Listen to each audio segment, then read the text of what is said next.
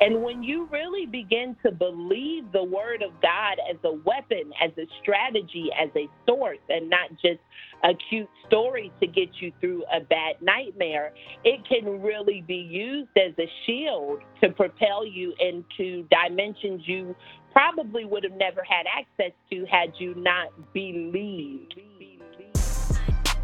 This is Courtney Mason, and this is the Millennial Dreamers Podcast, where I profile successful millennial entrepreneurs, creatives, artists, and thought leaders who are navigating the unconventional life of their dreams and profiting from their passion. I also share inspiration and career tips to help you take the leap of faith and go after your dreams. Picture this you're trying to live your very best life but you find yourself hit with struggle after struggle and trial after trial. There are some people who have a divine calling on their lives to help others push through those very difficulties. Cora Jakes Coleman happens to be one of those people. She's the eldest daughter of Bishop T.D. and First Lady Serita Jakes. And Cora has followed in the footsteps of her dynamic father and is now using her voice to motivate the masses. In today's episode, you'll hear all about how Cora took her trials and turned them into triumphs. She is now sharing exactly how we all can do the very same in her book, Ferocious Warrior.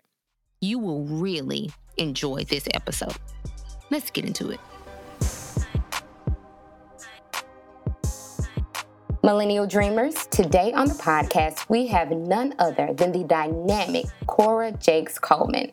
Cora, the well known preacher, celebrity advisor, author, and prayer warrior, has penned her second book, Ferocious Warrior Dismantle Your Enemy and Rise. In this powerful new book, Cora shares her personal journey of infertility, loss, depression, and insecurity, and she offers strategies to help identify the tactics and agenda of the enemy.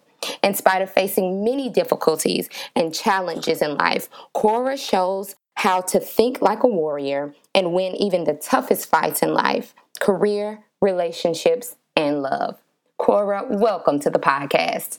Thank you so much for having me. Let me tell you, I am personally elated to have you on because I remember I found some of your sermons a few years back. I was traveling home uh, to North Louisiana and I found one of your sermons and you were hilarious. I mean, the word was so good, but your personality was really just like shining through. And I just had to continue to consume anything that I can find, you know, from you online. And I've loved everything that you put out ever since. So full disclosure, I'm really, really excited to have you on. Well, thank you so much. I'm honored to be here. Well, as I mentioned at the outset, this is your second book that you've written and, and that's coming out. Your you wrote your first book, Faithing It, a few years back. So, what really inspired you to write Ferocious Warrior? Well, um, I actually, if I could be completely honest, um, I had no plans at all of writing a book.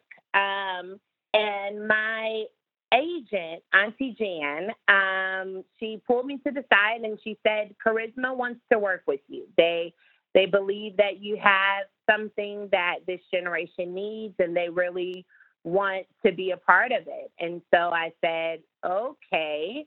Um, and we had our first meeting, and and he just said, "You know, share with us what's on your heart." And I told him I really would like to develop a generation that is not afraid of the enemy. I, I want to be able to give people a hope that they can truly turn their pain into power. And I believe that uh, by using my stories, um, I'm able to help people see that you can go through absolute hell and come out on the other side, that uh, this doesn't have to be the end all I wanted people to be ferocious. I wanted people to um, go after the enemy with no fear. Uh, that that the devil is a dummy. You know, I just I really wanted people to see the enemy as ineffective as I see him when we embrace our power.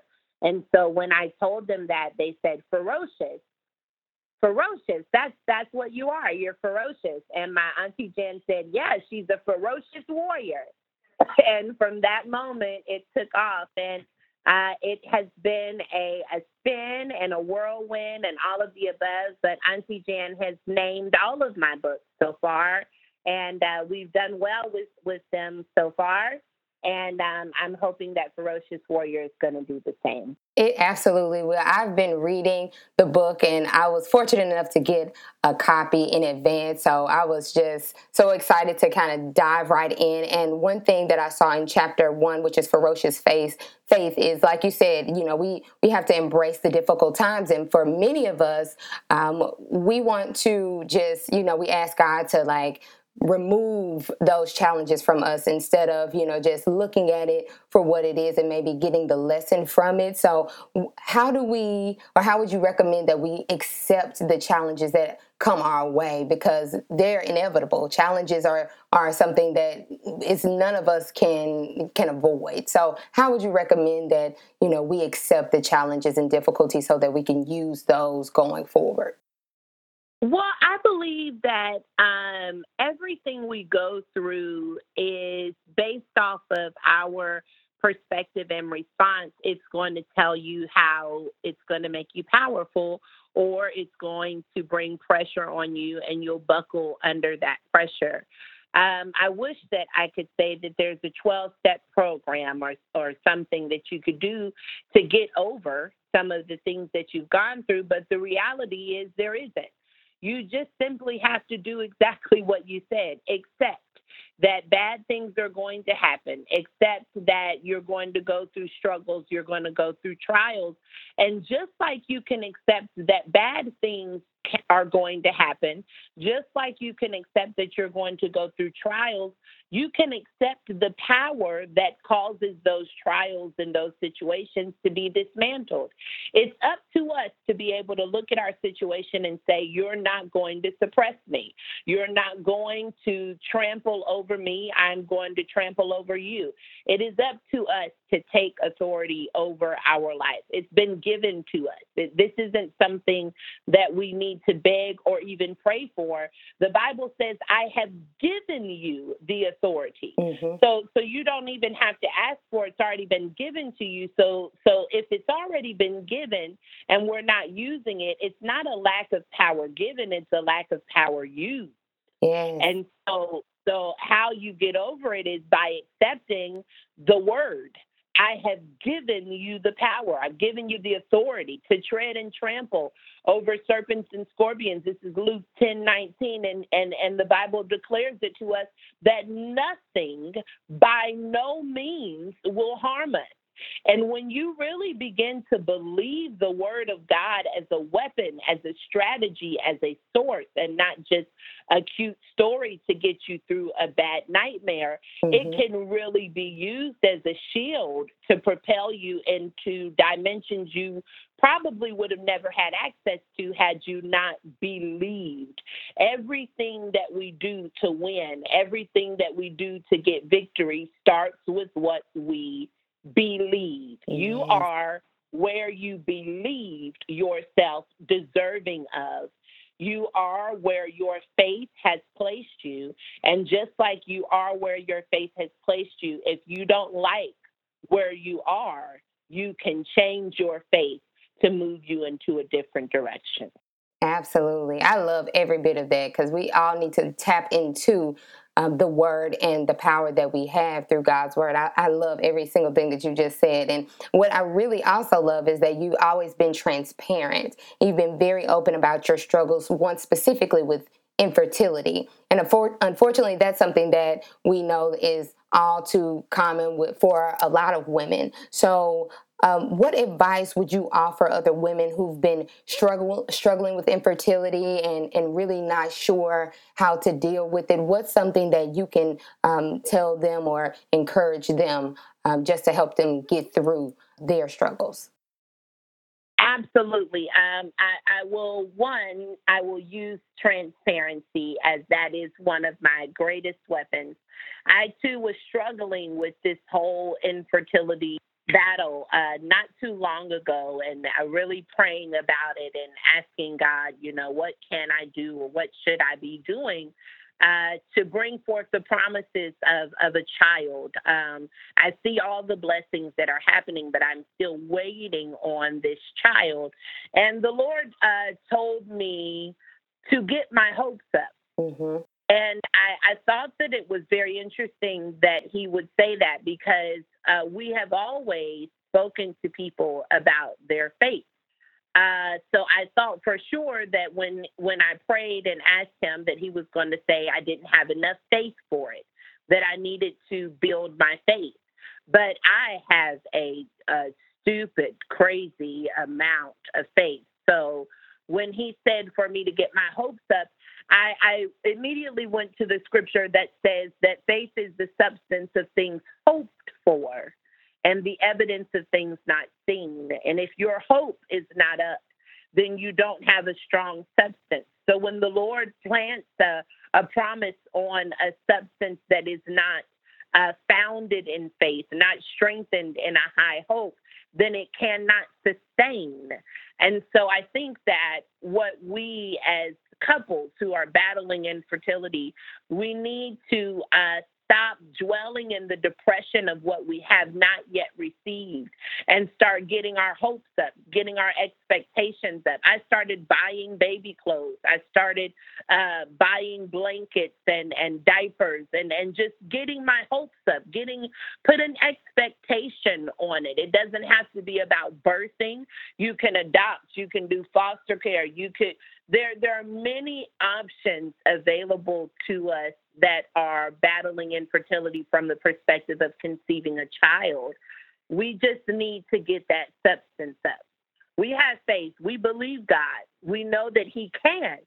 We don't know when or if He's going to do it necessarily for us, but we have the faith.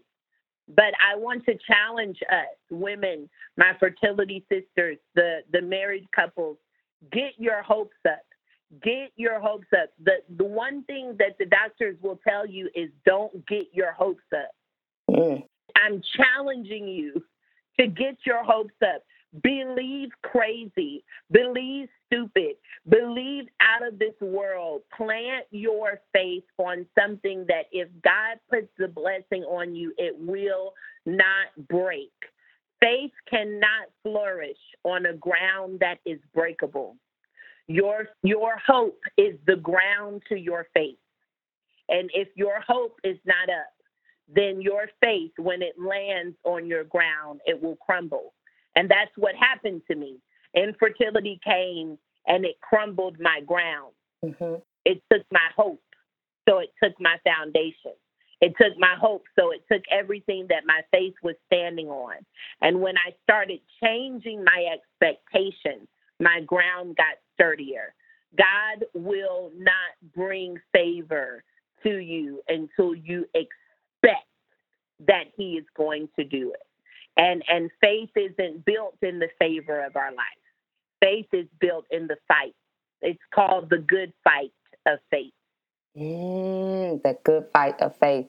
That's strong stuff. And I, you know, and something you said that resonated with me and made me think um, about everything that goes into um, what families deal with with infertility is you said that it's something that we deal with as a couple. And i think that's important too is that we don't forget the fathers who are also there as su- support for their wives um, and their women the women that are in their lives as well. Um, it's something that's a shared burden that um, to go through and get through together. And so you mentioned that one of the avenues to to dealing with it and and overcoming infertility is adoption. And we know that um, you decided to realize your dream of motherhood through adoption as well. So, what was that journey like for you to um, adopt and the process of adopting with your husband? Well, I, I, wouldn't say that I realized my journey of motherhood uh, through adoption. I've always wanted to be a mother. Uh, it's been a dream since I was a very little girl um, I was not going to allow the enemy to tell me what I can't do. Mm-hmm.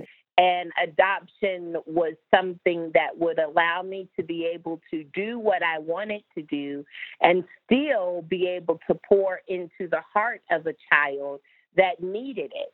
And so it would have been the easier route to uh, do it on your honeymoon, get pregnant, and come home mm-hmm. and tell everybody uh, tell everybody that you're pregnant. But I was able, uh, gratefully, that God would use me to save my children. Um, I did not birth them, but I absolutely delivered them. I, I delivered them from lack of love. I delivered them from lack of security. I delivered them from uh, lack of motherhood. I, I, most certainly delivered them and um, am continuing to build them. And so the process was daunting. it was long. It was uh, it was a, a fight, and I, I, did not think that I was going to have to fight uh, for my children that I adopted. I thought that I would only have to fight for the children that I would birth. And then it turned out that I, I would be battling for all of my children. Um, it was worth the battle. I would do it all over again. Amari and Jason are the best thing that has, has ever happened to my husband and I's life. Uh, Amari was her daddy's daughter before she was mine. Mm-hmm. Uh, he claimed her. When he saw her picture, he said, That's our daughter. How could you not know that? And uh, and Tuga was my son before he was Brandon's, and so uh, it just worked out perfectly that our family is continuing to build and continuing to grow, but uh, we would not let the devil tell us what we weren't going to do. And um, Amari and Jason are our blessings, they are our miracles, uh, no more than Nehemiah and Raven will be when they come. Uh, my children are my miracles. They they are my everyday miracles that I get to see, and um, I'm honored that God would choose me to mother uh, any form of a miracle, much less uh, the two that I received. Yes, and one story that you talked about in the book that I absolutely love was, you know, just the nervousness maybe a little bit that you felt um, when you were adopting your daughter and how she immediately knew that she belonged to you. She was like, "Bye, I'm out of here. This is mommy and daddy. I'm going," you know, and ran to you. So I love that story because it just shows that what God has for you. You don't have to doubt it. It's it's there for your dream will be realized and to know that um, your daughter knew this is my family, this is my mommy and daddy, um, immediately was just a beautiful thing. I, I, was highlighting and starring that. I was like, I love that story. Oh yeah, it's it's my it is my favorite story. I promise. I believe that God had to have been showing her dreams of us before we came into her life. She knew who I was. She knew who my father was. She knew who my uh, my mom was, and and my sister. Everybody that was very close to me, uh, as far as my immediate family, it's like God showed her this is this is your mommy's sister. This is your mommy's brother. And she just walks into the house like, man, it took y'all forever to get to me. I'm glad that you made it. And um, and she's been that way. She she when Mari shares her story, uh, it it chokes me up every single time because she's genuinely um, just resilient.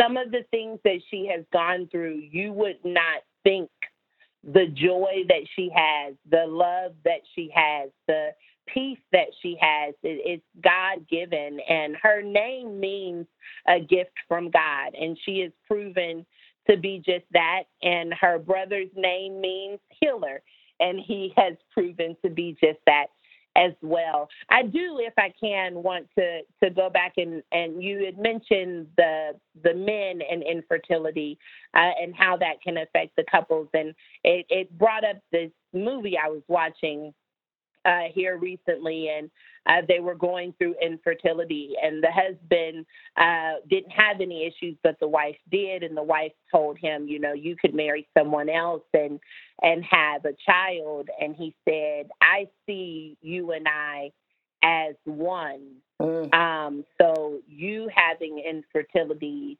means our body has infertility. We are one. And so I just want to encourage, uh, again, the men specifically, that if you have ever uh, wanted to produce a winning score on the court or uh, wanted to, to get that deal in a job or wanted to produce something and was told no, that that is the same kind of struggle that is happening within your marriage. And if you join together to understand that you are one body, so your body is battling infertility. You battle that thing together and you produce together. And uh, she'll help you win on the court if you help her win in the doctor's office. Yes, that's beautiful, beautiful. Uh, listeners, I hope you, you know, take that and internalize it because that's that is absolutely so true. And in addition to infertility, I know that's not the only challenge that you face that help you become a ferocious warrior. So, what are some other examples of things that help you grow stronger in your faith and become the person and the mighty, you know, ferocious warrior that you are today? Well, as a young girl, I would say that it was everybody else's struggles that I had to have faith for and mm-hmm. tell everybody else everything's going to be okay. Y'all don't cry. It's going to be fine. And faith was very easy for me to give uh, to everyone else. And so infertility was the door that opened up the test of my faith. Um, infertility kind of shook me and it and it brought up a lot of unresolved emotions that um, I had dealt with as a child, be it uh, the insecurities, low self esteem, uh, depression. I battled with depression quite a bit as a young girl, and most certainly after being diagnosed with uh, polycystic ovarian syndrome. Depression um, is a an interesting thing. And I I go through life not to be suppressed, but to to figure out how to bring success in the midst of what is trying to suppress you. So while going through depression, I didn't necessarily take it on as something that was going to swallow me up, but I took it on as a test again a strategy, trying to figure out how does depression work? What triggers it? What do I do that brings on depression? What do I do that makes it leave? What are some things that I can fight with to get this thing off of me? and and the lord gave me answer he gave me answer he gave me song he gave me uh, a way of escape and and I believe the word of God. You know, I, I just I, I wish that I could make it bigger. We all are looking for a bigger answer. Uh, and when you say something as simple as I read the word and it strengthened me and I believed it, I, I decided to believe what the word of the Lord says and it changed my life and that's what it's doing even now it's changing my life and um, i believe that that is what made me ferocious is being able to look at the word and say okay you're battling depression what does the word say about that mm-hmm. what what can you use in the word that will dismantle this depression and that's what ferocious warrior is ferocious warrior is going to teach you how to look at your monster and dismantle it. Yes. How to not be afraid of the dark anymore, but to understand that you are the light. How to turn your obstacles into opportunities that will catapult you to a destiny that you could not even write for yourself. I didn't become the ferocious warrior because I never went through anything. I didn't become the ferocious warrior because of who my mother is or who my father is. I became ferocious because God gave me authority far before I was even in my mother's womb. And the same authority he gave me has been given to you and the and everybody else who listens to this. We all have authority. We just have to tap into it. Yes. Well, and specifically, um, a lot of the listeners on this podcast are really trying to um, tap into birthing ideas or birthing their dreams um, and just realizing their purpose and their passion. And one quote from your book that I wrote down, starred, and highlighted um, was that when you have a God idea and not necessarily not just a good idea, but when you have a God idea that you don't bring to pass for one reason or another, you're being infertile. And I love that. I put that on a sticky note and put it on my computer. So, can you explain that quote specifically a little bit more uh, for our listeners? Absolutely. When we consider infertility, uh, we limit it to women who can't have a child. I did not want to limit my demographic or my reach to say that I, my story was only good enough for those who wanted to have a baby. Mm-hmm. Um, and so I asked God to show me how to unfold my story so it could reach more than just the woman battling to have a baby. And when I looked up uh, what infertility means, uh, infertile means the inability to produce. And I find that we as a people, uh, black, white, brown, it doesn't matter the color of your skin, we all struggle to produce the book that we were supposed to write, to mm. produce the business that we were supposed to do, uh, the business plan, the blueprint, to to apply for the house that you don't think you're qualified for. These, these are things that we struggle to produce in our life, and it makes us infertile. If you have a vision, an idea, a concept, uh, an inkling of something, and you do not act upon it, you have accepted being infertile. You have accepted that you're not going to be productive in your life. It would be a missed opportunity for you to have a vision, have an idea, have a concept, have an inkling of something that could change the world and not tap into it. And so infertility is is a broader thing for me. It is so much more than just having a baby, but it's about what you produce. Well, we are doing the world a disservice, listeners, myself included, because it's like preaching to me, listening to you talk, because we're doing a disservice to the world and everyone that needs our services, skills, talents, everything when we don't tap into the, the, greatness and the genius that we have. Um, but what what is the biggest takeaway that you believe that readers of Ferocious Warrior will have when they sit down and just devour the book, probably within a day or so? They won't be able to put it down, similar to myself what's what's the biggest takeaway that you that you think readers will uh, get from this book? Um, that the devil is a dummy. um, I, I, want them to take away that the devil is a dummy, that he's insignificant until you make him significant. Um, I want them to take away that I'm fighting with them that um, I am showing them my journey, and I hope that it will inspire and give them the push that they need. Um, I hope that they take away that they are just as mighty as the people they spend hours watching on Instagram or Facebook. I I want them to take away their crown uh, and not just their cross. I want them to learn how to operate in the strategy of God and not the suppression of the enemy. That that would be, I guess, the biggest takeaway. Awesome. That's an amazing takeaway.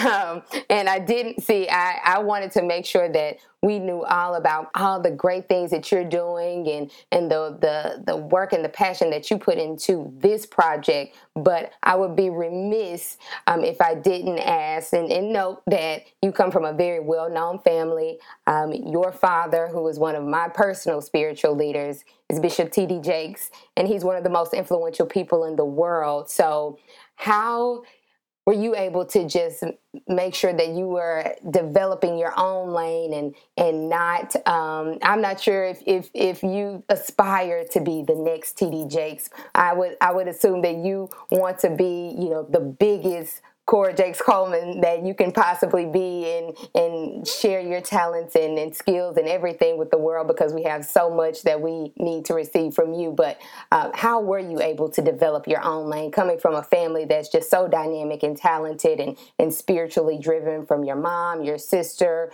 your brother, you know, your father, everyone? Um, how how did you make sure you set yourself apart in, in everything that you're doing? Well, um, I think that each of us, uh, everyone in my family, we're all plugged into my father's lane. You know, um, I think that if the highway is working, why make another lane? Um, just figure out how to operate to the best of your ability in the lane that my father has created for all of us. Um, I made a point to make sure that my prayer life and my faith exceeds uh, the message that some of my other siblings operate in. My my sister is a demon bully. Um, kind of like her thing and um my my brothers they have their their own thing i am the prophet i am the intercessor i am uh the the stand in the gap person for my family um and and I'm just one. I'm just one of the many that will carry on this lane. Um, I would do my father a dishonor and my mother uh, a dishonor to dismantle the lane. Uh, I, I have every intention of continuing this lane and continuing this legacy and being the next biggest Cora Jakes Coleman ever. And if at any point someone acknowledges that I'm like my father, I mean, he is literally the best that I've ever seen do it. So I do not mind being compared to the best that ever did it. Yes. Look, I listen, I know that if you were compared to anyone, I would want to be. Your father is the person that um, to to follow in his footsteps. I mean, he is a giant and I listen to him on a daily basis. So, um, so I, I totally can uh, attest to that as well. But um, I know you have a, a, full schedule, so I just want to say thank you so much um, for being on and taking time to be on this podcast. Uh, where can um, our listeners find your book as well as follow you on all things social? Absolutely. You can follow me at C. Jakes Coleman. That is everywhere. I am C. Jakes Coleman everywhere. And you can get the book. It will be out July 16th. Um, and you can get it at ferociouswarrior.com. And you can find out more about me at cjakescoleman.com, including some women's devotional study uh, classes that I have coming up as well. Yes, yes. Well, everyone, we you know myself i have the book thankfully. I I'm, I was fortunate enough to get a copy but please support uh, this book. You will be transformed um, by it. Uh, but I, cora i want to ask um, if it's not too much to ask could we just end with a prayer? You know you are a dynamic prayer eh, prayer warrior and um, i would just love if you could end um, this call with a prayer Absolutely. Father God, we just thank you. We thank you for all the opportunities you have laid before us. We thank you for the financial favor. We thank you for uh, supernatural favor. We ask, oh God, that you would go before us, that you would stand beside us, give us direction and clarity on how you would have us to move. I thank you, God, that you will rise us up, God, and you will keep us up, and that in you rising us up, that we will stay humble and that we will stay at your feet and you'll continue to direct our paths. I thank you for giving us access to you and all that you have. And we ask that you would pour those blessings out that we may be able to obtain them. I thank you that you'll touch every womb, that you'll touch every heart. And most importantly, God, you will mend every grieving spirit. And I give you praise because I know that because of the blood, it is so, and so it is. Amen. Amen. Thank you again, Millennial Dreamers. We are signing out. Peace.